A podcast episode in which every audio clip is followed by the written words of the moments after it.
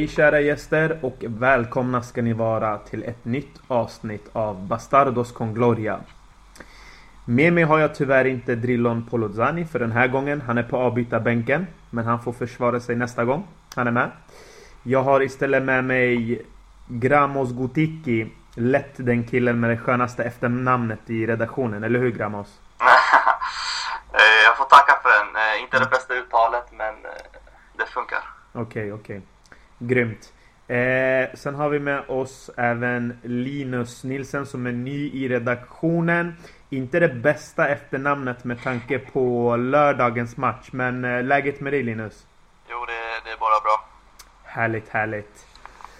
Eh, och vi ger oss in rakt på sak som jag alltid brukar säga. Vi har mycket att prata om.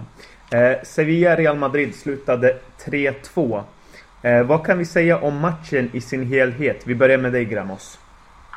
Eh, jag skulle säga att eh, vi gör väl en helt okej okay första halvlek. Mm. Eh, det ser väl bra ut fram tills att eh, Ramos skadar sig. Och sen efter det skulle jag säga att det bara går neråt. Sevilla tar väl över, vänder matchen och efter de har vänt matchen så spelar de ut oss helt och hållet. Mm. Eh, de Sevilla, all eloge till Sevilla alltså, som inte viker ner sig efter att de eh, vände matchen utan fortsätter spela sitt spel och ett tag såg det ut som att eh, Real spelade med en man mindre. Mm. Eh, det var ganska frustrerande att se på som madridista men man har väl vant sig lite den här säsongen att inte att spelet inte ser så fint ut. Mm, precis, precis.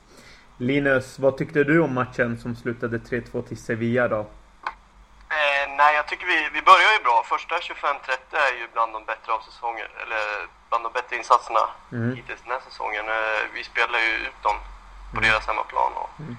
och eh, jag gör det jättebra, men därefter efter Ramos mål så ger vi bort initiativet helt och hållet och backar hem och bjuder in Sevilla-matchen. Och det är jättedumt med tanke på dels att vi är så överlägsna och dels för att Sevilla redan innan matchen är ganska svaga mentalt i och med att de inte har varit så bra hittills under säsongen. Så jag tycker det är jättedumt att vi, att vi bjuder in dem i matchen så som vi gör. För det är, det är det som liksom bäddar för deras, deras vändning sen också. Mm.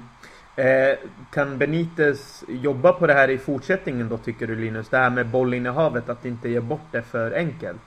Ja, alltså jag tycker det med tanke på hur Real Madrid är ja, dels balanserade och, och vilka spelare som är på, på, liksom på planen. Så jag tycker att för att försvara en ledning med Real Madrid så tycker jag nästan att det är bättre att försöka behålla bollen i havet och med viss, med viss tanke liksom, med viss defensiv tanke, men ändå föra spelet. För vi har ju liksom för det mesta offensiva spelare mm. i Ronaldo, nu spelar visserligen inte Chamez, men Isco, eh, Modric, Kroos, eh, mm. Jesse. Det är ju sådana spelare som vill framåt, de som är duktiga att hålla bollen inom laget. Och det är inga spelare som är så defensivt taktiskt skolade så att de är bättre att backa hem och försvara en ledning. Utan jag tycker att det, att det är bättre att, att köra på med viss modifikation kanske, med lite mer defensivt tänk, men ändå behålla initiativ i matchen.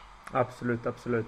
Eh, vi pratade här, ni båda pratade lite om eh, individuella spelare. Gramos, eh, vem tyckte du utmärkte sig i Real Madrid den här matchen trots förlust då? Eh, eftersom mm. jag inte tycker att någon utmärker sig på något eh, väldigt bra sätt.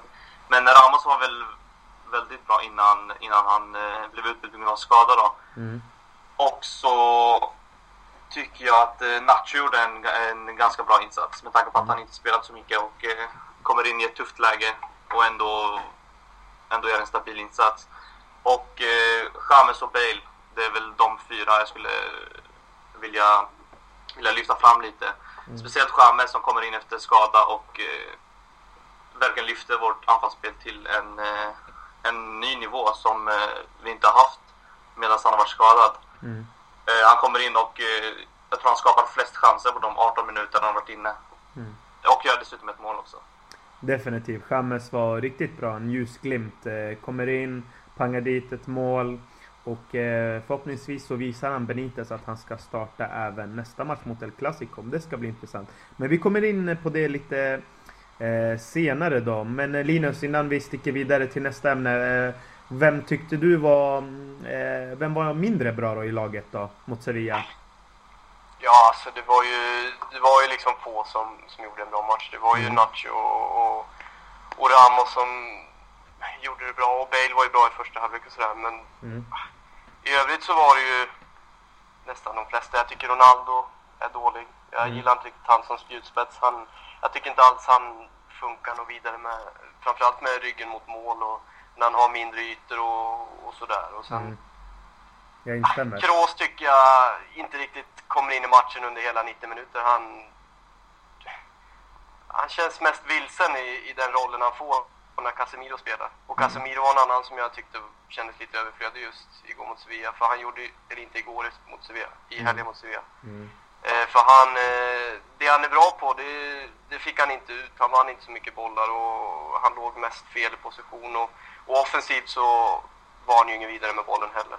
Nej. Men eh, i överlag, de flesta var dåliga. Danilo tycker jag var extremt usel. Han, det var en kon ute på högkanten och Konoplyanka hade ju lekstuga alltså. Jag såg mm. på statistiken, Chamez hade ju flest skapade chanser, fem stycken på WhoScoreds eh, statistik och Konoplyanka var ju, var ju tvåa där bakom med, med fyra skapade och mm.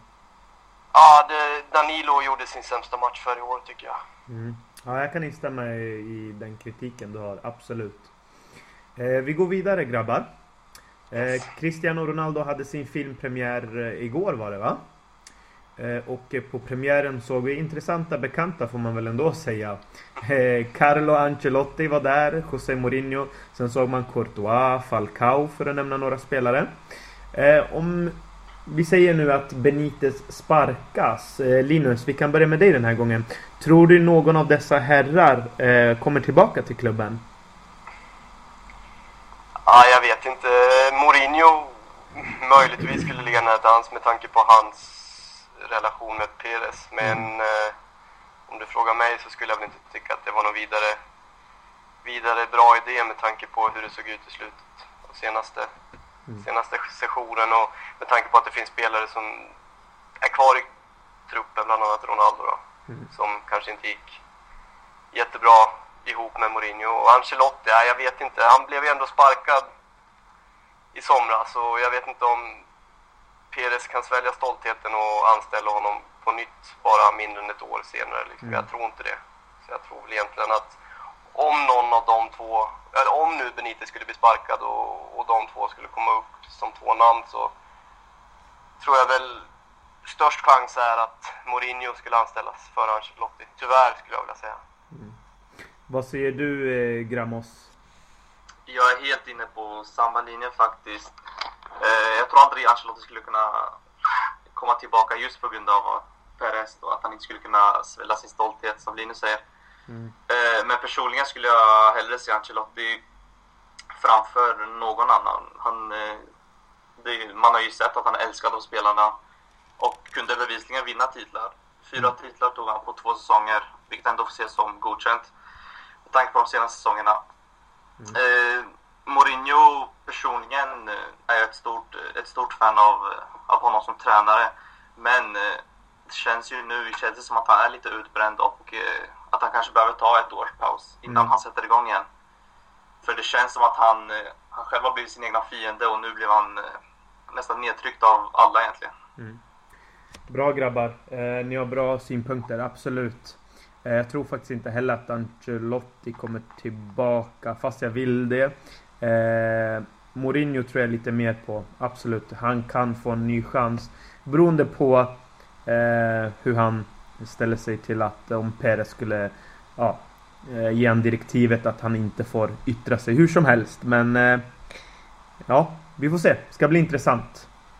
Eh, förresten, ge mig ett namn då grabbar. Eh, ni får välja varsitt då. Om Benitez sparkas. Linus, vem vill du ska ta över? Svårt alltså. Det är inte så många här på, på marknaden som är ledig. Mm. Eh, jag vet ärligt talat inte. Jag skulle vilja att Real åtminstone gav Benitez chansen och ge honom en säsong i alla fall så får man ju se mm. därefter och utvärdera därefter. Men ett namn, alltså jag skulle ju tycka att Zidane skulle varit en intressant uh, tränare men samtidigt så man vet ju inte alls hur han hur han klarar av att styra en stor klubb som Real Madrid. Men eh, han, han gör det bra med Castilla och möjligtvis att han blir redo i framtiden, men jag tror väl inte att han skulle bli, bli redo redan till sommaren. Annars tycker jag Dortmunds nya tränare, jag vet inte riktigt vad han heter, vet ni vad han heter? Den här nya tysken. Mm. Ja, jag vet vad du menar, men jag kommer inte på namnet just nu. Nej, han verkar ju ändå vara, vara en intressant, intressant tränare som inte verkar vara, eller som inte är särskilt vad heter, gammal heller. Och ja. Han har ju fått ordning på Dortmund igen och fått dem mer spelförande och sådär. Och, och det är väl främst en sån typ av, av tränare vi skulle behöva. Och sen någon som kan hantera medien, för det vet vi från förr. Vi såg ju framförallt under Mourinhos tid att vi behöver ju tränare som ändå kan hålla median i schack om man säger så. Mm det kaoset som blev med Mourinho och hans sista säsong, alltså det, det förstör ju bara. Det finns ju inte någonting positivt med det, utan det förstör ju bara. Så att, eh, men det är svårt att hitta, det, är, det, finns ju inte så många och med tanke på att Real Madrid kanske är den tuffaste klubben att, att coacha i hela världen så det krävs ju otroligt mycket av tränare som är här. Så mm. Det är svårt att hitta tränare som är tillräckligt bra. Mm. Absolut, det håller jag med om. Speciellt i Real Madrid när du får på dig ett år att bevisa att du är, eh, ja, att du är en bra tränare. Så det blir, det blir svårt. Mm. Grabbar, vi går vidare till en lite mindre glädjande nyhet då kan man väl ändå säga. Eh, Karim Benzema har dragits in i en eh, ny skandal får man väl ändå säga. Eh, det handlar om utpressning och specifikt om Mathieu Valbuena. Eh, först kom det uppgifter om att, ja, att han var delaktig, sen kom det att han inte var det och nu är vi tillbaka igen att han är det. Det har läckts lite ja, telefonsamtal, eh, konversationer hit och dit. Eh, jag vill ändå analysera det här lite djupare. Gramos. Grammos, eh, tycker du att det är en olycklig händelse eller är det att Karim inte är fokuserad på sin fotboll? För det har hänt tidigare att han har varit i rubrikerna av fel anledningar. Sen om, även om inte han är, ja, han är kanske oskyldig, men ändå att han är bara där är inte det bästa, eller? Ja, alltså jag har alltid fått intrycket av att, eller man vet ju att Benzema alltid eh, gillar att ha lite roligt utanför fotbollsplanen. ja. Och han har ju varit med i flera skandaler, till exempel här när han hade, han är ryktades som att han hade sex med en minderåring och så. Mm. Men eh, nej, jag skulle vilja säga att det, det, ligger lite i hans personlighet kanske. Eller han känns som den personen som, eh, som inte skulle ha något emot att, eh, att till exempel festa efter en match med sina kompisar eller, eller något sånt. Mm. Eh, så ja, det är, väl den, det är väl det intrycket jag har fått av honom i alla fall. Jag hoppas väl jag har fel, men eh, det är väl det också som gör honom till, eh, till en skön person. Och... Eh, mm. Tror ja. du han... Ja, förlåt. Nej, nej, kör du. Men tror du att han klarar nu av den här hela såpan, eller? Vad, vad kommer domen vara, tror du? Ja, alltså när man såg, när man såg vem som har kommit tillbaka till eh, Valdebebas direkt efter direkt efter polisförhöret och eh, köra igång sin träning så såg, såg det ut som att han inte var bekymrad alls. Och mm. la upp eh, Instagram-bilder och allting. Som om ingenting hade hänt. Så Precis. jag får väl den känslan att han inte bryr sig så mycket. Ja, han valde också en grym låt till eh, den där Instagram-videon. Tupac All Eyes On Me. En av de Exakt. bättre låtarna faktiskt med Tupac måste jag säga. Han känns som den personen. ja, absolut. Ja. Linus, eh, kom in här i diskussionen. Eh, vad säger du? Eh, vad tycker du främst om Karim då? Vad, vad är det som gör att han hamnar i rubrikerna? Alltså det är, först det är en jätteonödig grej att bli inblandad i oavsett om man är oskyldig eller inte. Alltså. Mm. Och sen, samtidigt, jag går alltid efter den här termen att ingen rök utan eld. Jag tror att mm. det finns stora möjligheter att det är någon form av att han är inblandad i, i skandalen. Men samtidigt så det är det så svårt, det är så svårt att diskutera huruvida han gör rätt eller fel med tanke på att man, man vet så lite om mm. vad, vad det är som händer. Och, och jag, jag har väl hittills på forum och sådär valt att inte diskutera det så värst mycket. Och man vill ju inte döma Benzema när man inte vet vad som har hänt. Mm. Så det är, det är en jättesvår situation. Men tydligen så har han haft problem att fokusera på sin fotboll med tanke på att han har tränat och, mm. Men ändå inte spelat. Och det är ju olyckligt med tanke på att det är en absoluta nyckelspelare i Real Madrid. Och skulle det här gå vidare ännu längre så, även om man kanske inte till slut skulle bedömt så kommer det ju fortfarande ligga där och, och gnaga på honom mm. under säsongen och det är ju aldrig bra. Det är, mm. Med tanke på att han som sagt är en nyckelspelare så är det ju en spelare som behövs i Real Madrid. Så att, förhoppningsvis så ja, döms han väl, eller inte döms. Mm. Utan ses som oskyldig så fort som möjligt så att han kan släppa det och fokusera på fotbollen. För, för vi behöver honom. Absolut, jättebra sagt. Eh, jag tycker Karim också är en eh, världsklasspelare. Eh, nu har ju han blivit vald före Higuain. Tycker han har fått ändå en hel del som kommer hans väg helt enkelt. Perez är på hans sida, klubben är bakom honom. Så att ja, han får hålla sig och inte kanske försöka, ja, försöka undvika onödiga händelser. Det är så tråkigt också att det kommer just nu med tanke på hans säsonginledning. Han har ju kanske varit den bästa ja, offensiva spelaren i hela laget. Och mm. Det känns nästan som att just den här säsongen att han har tagit ett ytterligare steg. Mm. Även om han var absolut världsklass innan så att han verkligen är kanske en av världens bästa offensiva spelare just nu. Mm. Och hans säsonginledning, det var ju faktiskt, skulle jag vilja säga i alla fall, han som bar Real Madrids offensiv på hans axlar. Det var inte Ronaldo, det var Benzema. Mm. Som spelade fram andra och, och, gjorde själv avgörande mål som han tidigare inte har gjort hela tiden. Så att, eh, det är ju mm. verkligen skittråkigt att, att det kommer just nu liksom. Det hade gärna fått kommit i somras och, och, och inte behöva störa säsongen mm. så som man startat den. Precis. Vi kommer indirekt komma tillbaka just om Karim Benzema lite senare här i programmet. Eh, Nacho är uttagen till det spanska landslaget. Linus, eh, det här var din fråga. Eh, hur ser ni på hans framtid? Vi börjar med dig Gramos. Eh, tror du att det här kan bli en världsklasspelare? Och det är ju en kille från akademin så det skulle vara jättekul om han mm. kunde fortsätta på sin utveckling. Eller vad säger du? Ja, alltså jag har aldrig sett honom, jag har aldrig sett honom mer än en rotationsspelare i Real Madrid. Mm. Men alltså vem vet, han har, han har ju bevisat att han är ganska stabil på vare sig han får spela mittback eller ytterback och han har ju fått ganska mycket speltid med tanke på alla skador den här säsongen. Mm. Och uh, verkligen inte gjort bort sig tycker jag. Mm. Trots en del tuffa matcher. Så vem vet, han kanske är en, uh, en late bloomer och uh, det kanske nu hans säsong tar fart, eller hans karriär tar fart på allvar. Mm. Det, det, är inte, det är inte riktigt lätt att veta men innan den här säsongen så har jag aldrig sett honom mer än en rotationsspelare i backlinjen. Mm. Som men eh, jag vet inte. Mycket möjligt. Jag hoppas verkligen det. Som du säger, han kommer från akademin och det vore väldigt kul mm. om eh, vi, fick, vi fick se honom ta nästa steg, så att säga. Mm. Linus, det här var ju din fråga så du får ju besvara din egen fråga. Vad tror du själv om Nacho? Det är ju väldigt kul att han är nu tagen till det spanska landslaget. Kanske blir mer erfarenhet och så vidare? Ja, jag tror att han har en, en ljus framtid. Jag tror att han kan bli riktigt bra i framtiden. Men eh, för hans egna del så kanske han skulle behövt lämna Real Madrid. Om vi ska vara på det viset. Eh, för att utvecklas maximalt. För jag tror aldrig att han kommer bli en ordinarie spelare. Så länge Ramos och Varane finns i klubben och Pepe också. Vi har högerback, eller eh, ytterbackar som, eh, som Carvajal och Marcelo och sådär. Så att, eh, just för hans egen del så kanske han skulle behövt lämna för att, för att nå sin yttersta potential. Men jag tycker att han, som Gramos säger nu under säsongen, har visat sig vara riktigt bra och det är ju lyxigt att ha en sån bra komplementspelare. Mm. Eh, han visar ju tydligt som sagt att uh, det spelar ingen roll vart i backlinjen han spelar. Utan, han gör det bra oavsett vart han spelar. Och jag var lite orolig nu när, med tanke på att han är högerfotad och framförallt mittback nu när han ska spela som vänsterback. Men jag tyckte han var klockren mot uh, Sevilla och en av få som, som kom undan med godkänt. Så att, eh, ja, jag är jättenöjd över att han stannar kvar i Real Madrid under sommaren. Mm. Och hoppas att han stannar så länge, så länge det bara går. För det är som sagt det är guld med, med, med en sån spelare precis bakom startspelarna.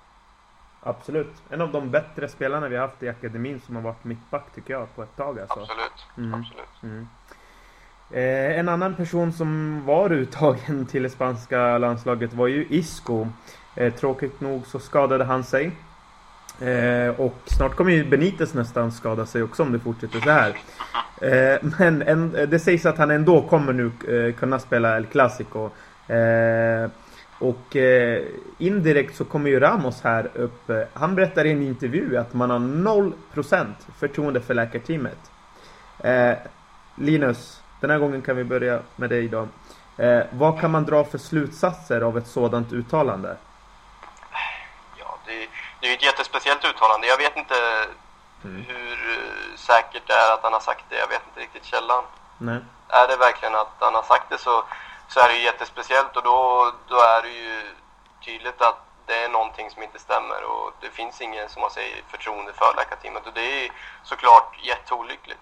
Det, det, det är någonting som är A och O när det kommer till just skador och sånt där, att det finns ett förtroende för de som jobbar med, med just eh, med skadorna. Så att, eh, om det stämmer så är det ju inte bra alls och det tycker jag att Real Madrid måste göra någonting åt det. Mm. För vi har ju haft otroligt mycket skador och visst, det är ju många skador som har hänt under match och sådär men eh, ja, om de, om de säger sådär så är det ju någonting fel och då tycker jag att klubben ska ta tag i det. Men eh, samtidigt så tycker jag att det är idiotiskt uttalande också av Ramos att sätta igång massor med spekulationer och, och sådär och ta det med media istället för att ta det internt. Mm. Men eh, Ramos är väl inte direkt känd för att vara särskilt smart alla gånger. Nej, precis. Både på plan och utanför. Så att, eh, det, det är inte särskilt oväntat att det just kommer från honom. Mm. Mm. Frispråk, frispråk himself. Men mm. det är ju som det är. Men det är såklart inget bra. Nej. Om det stämmer. Absolut. Gramos, vad kan du dra för slutsatser? Eller vad tycker du om det här uttalandet? Eh, ja, det har väl varit lite problem tidigare under säsongen mm. med just läkarteamet. Eh, vad ryktena går så har ju så är ju Dr. Olmo, tror jag han heter, mm. som är en del av läkarteamet. Han har väl blivit eh, avstängd från omklädningsrummet. Att han inte får gå in där längre. På grund av att spelarna inte hade något förtroende för honom och trodde att han läckte lite nyheter och sånt. Så ja, frid och fröjd har det inte varit bland läkarteamet. Och eh, med tanke på alla skador vi har fått den här säsongen mm. så, så är jag inte förvånad över att spelarna har så lågt förtroende. Eh, det mesta har ju varit eh, överansträngning och eh, muskelskador mm. som har varit något av ett signum den här säsongen. Och ja, jag skulle väl inte klandra spelarna om om de har sagt det här men såklart ett idiotiskt uttalande att gå ut i media och mm. säga det. Mm. Absolut. Det har vi lärt oss från tidigare säsonger. Att, att gå ut i media kanske inte är det bästa för klubben. Nej, definitivt. Men eh, hur ska man hantera en sån här fråga Linus? Jag menar som klubb, hur kan man agera? För att det verkar som att den läkaren som man nu har då har fått en otrolig makt och det är från Perez den makten kommer och eh, de sparkade en läkare som spelarna tyckte om och de gillar inte den här nya killen då. Eh, jag menar det påverkar ju våra titelchanser. Absolut. Mm. Ja, det, jag vet inte om det är någon form av svågerpolitik eller vad det är som händer men eh, det säger väl sig självt att det är idiotiskt att, att sparka någon som, som spelarna har förtroende för samtidigt som man behåller någon som bevisligen ingen har förtroende för. Ja. Så att, eh, ja, någonting lär väl göras. Men eh, mm. om Perez håller på med någon form av svågerpolitik som, som det verkar så... Ja, då är det svårt. Alltså, då, mm. Där är det väl någon som behöver ta honom i örat, men det, det är ju ingen som kan. Så att, eh, mm. Nej, jag vet inte. Men eh, någonting bör ju göras om det stämmer som sagt. För eh, som, som du säger, det, det, påverkar ju enormt mycket och det påverkar ju titelchanser och allting. Och vi har ju sett förra året så en stor del till varför vi, vi inte vann någonting var ju på grund av alla skador vi hade. Mm, Även om det, jag personligen tyckte att det berodde delvis också på Ancelottis icke-rotation. Men vi fick ju väldigt mycket skador och hittills i år så har vi fått väldigt mycket skador. Och någonting stämmer ju inte och är det så pass att det är läkarteamet som är problemet, eller en stor del av problemet, så, så måste någonting göras. Mm, absolut. Och det måste ju Perez inse också, förhoppningsvis. Och där är vi igen, kan han svälja stoltheten? Det vet vi ju inte. Nej, precis. Ja, det, är, det är tyvärr så här med lag som eh, Real Madrid och Barcelona. Det är väldigt mycket politik. Det är i och för sig andra lag också, men i pengalag så är det ändå en man som bestämmer och han kör sina egna eh, beslut. Lite som i Real Madrid men i Real Madrid bara så är det mycket politik, det är mycket annat som ligger bakom besluten då. Precis. Eh, och det är lite synd men eh, man får hoppas att de löser det och går vidare för eh, det måste de helt enkelt. Absolut. Mm. Eh, vi ska gå in lite på det där faktiskt. Eh, ett uttalande från Wenger. Jag kör på engelska grabbar så får ni hjälpa mig att översätta det här lite va? Fast min engelska bra tycker jag. Uh, Real Madrid have taken an all too modern path. It is desperate for new faces and is hooked on trophies. Said Wenger. Så min fråga i det här fallet är då. Han menar att Real Madrid har tagit en alltför modern ja, väg då, mönster. Och eh, man är desperata för nya ansiktet och man är fäst vid troféer. Så vart går linjen mellan att göra av sig då med spelare och tränare? Ja, innan man ser att det, ja, det är dags att den personen går vidare. Men ändå så ska man ju satsa på titlarna. Gramos, börja du tycker jag. Ja, alltså jag vet inte om eh, Wenger är rätt man för det uttalandet. Nej. eh, han har ju... Ja, han, eh, Mourinho kallade honom för specialist in failure. Mm. Och eh, jag är väl inne på den linjen också. Jag har också velat... Jag har inte fattat hur han har kunnat sitta så länge på sin tränarpost. Nej. Men... Eh, ja, alltså jag vet, jag håller väl med honom. Eh, för att Perez är ju trofégalen. Han ser bara, han ser bara pokaler i ögonen. Och eh, han är villig att betala hur mycket som helst för de här pokalerna. Och sett till hur mycket vi har spenderat de senaste säsongerna och sett till eh, hur få pokaler vi egentligen har vunnit mm. så är det såklart inte det är såklart inte bra gjort av Perez om man ser på det sättet. Men samtidigt så så vill jag hellre att det ser ut så än att eh, än att inte vinna någonting alls. Mm. Som Arsenal inte gjort nu på ett bra tag. Man har vunnit någon cup här och där men ingen stor, ingen stor trofé. Nej precis, alltså det är väldigt svårt det där som du säger. Eh, man måste se det från två olika håll. Wenger menar att han bygger en klubb. Eh, ja, mm. då pratar vi om ekonomin, vi pratar om akademi, vi pratar om eh, balans i löner. Och i Real Madrid är det ju inte på det sättet. Men samtidigt måste man ju såklart, man måste ju fokusera på sina troféer. Eh, så är det ju. Men sen att man gör av sig med spelare och tränare väldigt fort. Det gör Real Madrid. Och där har man tagit väldigt många felbeslut. Just på grund av att man inte haft en långsiktig plan. Man har helt enkelt täckt för nuet då. Eh, när man har varit så fokuserad på troféer då. Eh, Linus, vad säger du i det här fallet? Ja, alltså ser man tillbaks på Real Madrids historia i att vinna titlar så, så har det ju byggts upp krav som säger att vi ska vinna titlar och det ja, har inte jag något problem alls med. Det är Nej. väl mer det här hur, hur vi gör, hur vi jobbar för att vinna titlar och där... Ja, det här med att värva spelare hejdlöst för stora pengar och hoppas på att man vinner, vinner de största titlarna bara för att man har de bästa spelarna. Det, bevisligen så funkar inte det riktigt så. Och det är ju fotboll, det är ju det är så mycket mer som måste klaffa. Det, det har vi ju sett i ett årtionde nu under Perez och även om det har blivit bättre nu så mm. tycker jag väl möjligtvis att man kanske ska ändra väg lite grann. Mm. Men eh, det är svårt det är, med dagens fotboll så det finns ju så mycket pengar så att eh, och så stora krav och sådär och kravbilderna är ju så pass att Real Madrid måste vinna titlar annars, annars blir det en enorm kritik och även om det kanske i längden skulle göra gott att Real Madrid kanske satsar lite mer på inhemskt och kanske lite mer på egna produkter och sådär så känns det som att varken klubb eller tränare har den tiden hos, hos fansen för att bygga upp någonting långsiktigt. Mm. Det, har väl, det är väl lite det som Peres har byggt upp också med att sparka tränare hejvilt och värva spelare för stora pengar. Att, mm. Då har man vant sig lite med det och då... Mm. Det är väldigt lätt att, att kritisera det man har och se efter annat som man tror är mycket bättre. Men eh, ja, det, vad säger man, gräset är inte alltid grönare på andra sidan. Nej, stämmer. Eh, jag tycker väl att man kanske ska lugna sig lite med att och värva spelare ute efter tidigare prestationer och vad de har för marknadsvärde och sådär och kanske istället försöka bygga ett lag. Mm. Jag tycker att exempelvis Bayern är ett grymt exempel på hur man ska bygga ett lag.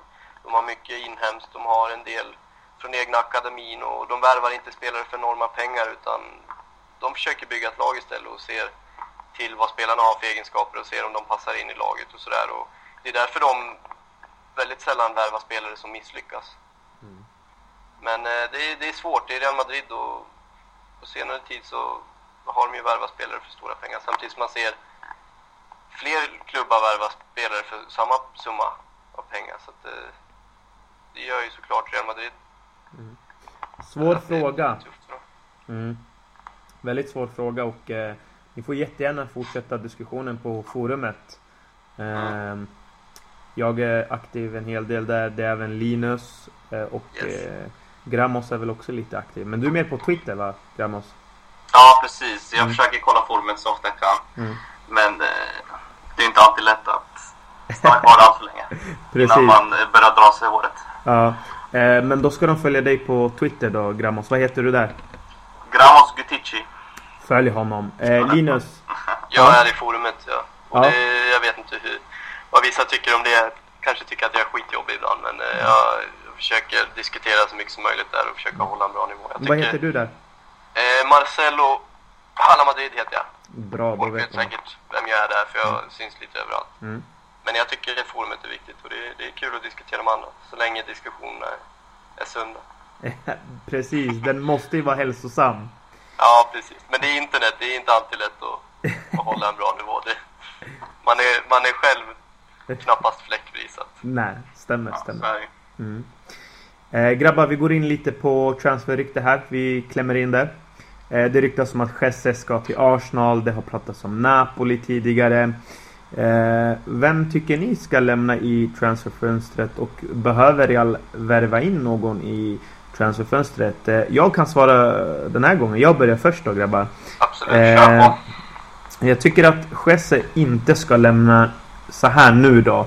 Eh, det kan behövas en Jesse Eh, ju längre säsongen går. Det kommer komma in snart. Snart börjar ju Copa del Rey har jag för mig. Och eh, vi kommer ha en hel del ligamatcher som man kommer behöva spela Jesse. Sen är det inte kul för honom att kanske sitta på bänken då. Eh, men det är ingenting som säger att han kommer vara en startspelare i Arsenal då. Eller i Napoli. Däremot tycker jag om vi behöver värva någon så Ja, jag är missnöjd med hur Perez skötte anfallspositionen. För eh, Cristiano Ronaldo är inte en anfallare. Han ska inte spela där. Han passar inte där. Det är min åsikt. Eh, en, en, anfallare hade varit jättekul att få in. Någon som kan ersätta Benzema när det behövs. Det behöver inte vara världens bästa anfallare. Men det ska vara någon som kan ta det spelet då. Eh, vad tycker du Gramos?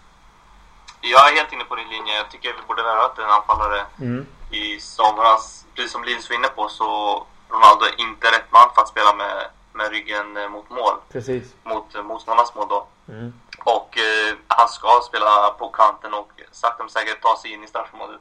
Det, var ju, det är ju på det sättet han har gjort alla sina mål i Real-tröjan och eh, jag ser inte varför det inte skulle kunna fortsätta. Benzema däremot skulle jag aldrig någonsin vilja byta ut. Han är ju han är verkligen eh, det perfekta idealet för mig som anfallare och han, han är så fin och, och skåda och allting. Eh, men däremot tycker jag borde värvat en anfallare mm. som skulle, som nu till exempel, skulle kunna täcka upp för Benzema. Mm. Eh, om vi skulle värva in någon mm. nu? Nej, jag vet inte. Jag är inte så stort fan av eh, vinter, vinterövergångar och Nej. jag tycker inte vi borde värva någon. Men om, eh, om vi ska sälja något så tycker jag Cheryshev kanske skulle ligga närmast till hands. Jag tycker inte han, alls han är tillräckligt bra för att spela i Real. Och eh, vi har väl ganska, en ganska bred trupp just nu. Mm. Så jag tror inte det skulle påverka så mycket om han fick lämna. Men annars är jag ganska nöjd med truppen. Jag tror och tycker att vi borde kunna gå ganska långt i alla turneringar med nuvarande trupp. Mm, absolut. Eh, det håller jag med om. Jag måste, jag måste bara lyfta fram värvningen av Casemiro som jag tycker har varit eh, näst, nästan till perfekt. Jag tycker han har kommit in och verkligen visat att han är redo för att ta en plats på allvar. Dock kanske jag inte tycker han ska spela de allra största matcherna förutom när vi behöver lite mer kontroll på mittfältet. Mm. Men eh, den värvningen är jag verkligen nöjd med. För 7 miljoner euro tror jag på. Ett kap. Grymt. Linus, vad säger du? Ja, jag är ju inget stort fan jag heller av vintertransferfönstret. Nej. Spelare som kommer brukar sällan bli något vidare. Det tar ju lite tid att acklimatisera sig och framförallt i en klubb som Real Madrid. Och när du kommer under vintern så har du inte riktigt tid. Så jag tycker väl egentligen inte att vi ska värva någon. Det är väl i så fall en anfallare som skulle, mm, som skulle behövas. Men så är det också. Det är, det är, svårt, att, det är svårt att hitta en, en spelare som är tillräckligt bra för att ta plats i, i Real Madrid. Och framförallt under vintern. Mm. De som är tillgängliga då, det är ju sådana som oftast inte platsar i något annat lag. Och sådana spelare är väldigt sällan intressanta för Real Madrid. Så det är svårt att veta vem man ska värva där. Och eh, åt andra hållet så tycker jag, jag är nöjd med truppen som den är just nu förutom mm. att vi skulle behöva en till anfallare. Så jag tycker att det vore dumt att sälja någon.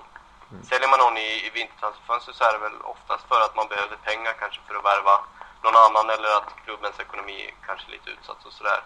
Mm. Eh, så jag tycker väl egentligen inte att vi ska sälja någon. Om det hade varit någon så är det väl i så fall Cherchev som mm. uppenbarligen inte alls står något högt i, i rang hos Benitez. Men jag tror ändå att han kan komma till nytta. Vi vet ju aldrig hur det blir med skador och sådär. Han kan säkert få sina matcher framöver också ifall han prickar formen. För vi har ju sett att han är en riktigt bra fotbollsspelare när han väl är i form. Så att, eh, nej, jag tycker inte vi ska sälja någon. Nej.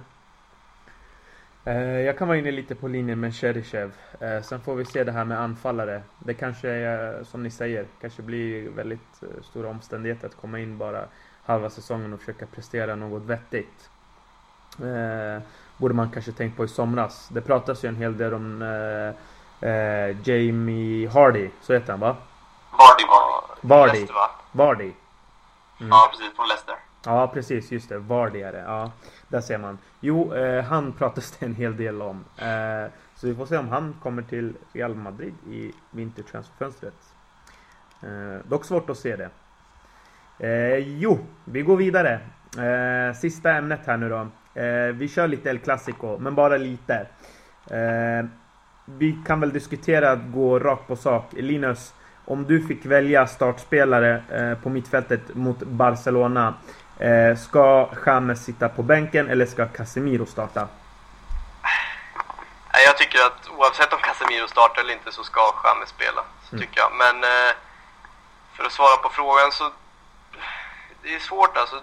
jag skulle vilja säga att Real tog kontroll över matchen så som Ancelotti faceade Barcelona. Men jag tror inte riktigt att Benitez kommer spela den typen av fotboll. Så att, eh, jag är lite kluven, men eh, helst av allt så skulle jag vilja att James startar och Casemiro satt på bänken till en början och att vi ja, men försöker ta kontroll på spelet och att vi visar att det är vi som är hemmaplan och att det är vi som är Real Madrid. Liksom, att, eh, att vi vill vinna matchen och på så vis ja, men ha en spelare som James på planen som kan skapa chanser och sådär. Och sen om vi leder i andra halvlek, när det har gått en kvart eller 20 minuter av andra halvlek, så är Casemiro mm. då perfekt att slänga in. Kanske mm. tidigare också för att balansera upp det och skydda ledningen lite och, och hjälpa backarna och sådär. Och, och så. Men eh, jag tycker att James ska starta och Casemiro kanske på bänken. Mm. Mm. Yes. Gramos, vad säger du? Jag är också lite osäker. Jag har inte bestämt mig riktigt än. Mm. Men eh, jo, Casemiro på bänken tror jag skulle passa oss bäst. Kroos Modric på mitten. Mm. Och sen vill jag se både James och Bale starta. Mm. Eh, jag tror, alltså Benitez tror jag behöver, måste nästan ta en vinst här i Klassikot för att eh, få lite lugn och ro. Mm. Annars kan det, tror jag i alla fall, braka hus i helvete. Mm. Men eh, jag skulle gärna vilja se att vi kör den elvan. I, i princip samma elva som vi hade förra säsongen. Och mm. verkligen, eh, vi spelar på vår hemmaborg. Barca kommer på besök ligaledarna. Jag tycker vi ska, vi ska gå ut och bara visa. Mm. Benitez ska visa att, eh, att vi är bättre än dem och att, eh, ja, att, vi, inte, att vi inte kör något fegspel. Okej, okay. men grabbar, alla tre nu, är vi eniga? Om vi var tvungna så tar vi James före Casemiro El Clasico. Yes. Yes. Bra, då är vi överens. Då så grabbar, då får jag tacka för att ni var med i det här avsnittet. Tack själv. Tack mm. själv att man fick vara med. Absolut Linus, du debuterade ju och vi kommer se dig i fler avsnitt. Gramos, det gäller även dig. Du har varit med tidigare. Ja, precis. Eh, vi börjar få fart på den här podden eh, och eh, följ oss. Gå in på Twitter. Gramos finns där, Linus finns där, jag finns där. Ja, allt finns där. Mm. Var inte blyg och ge tips och synheter, synpunkter i, i forumet heller. Ja, precis. Och glöm inte att prenumerera på podcasten på iTunes. Just det, det är du som är iTunes-mannen. Precis. Mm, bra. Okej, okay. eh, tack så mycket kära lyssnare. Vi hörs. Adios. Hej då.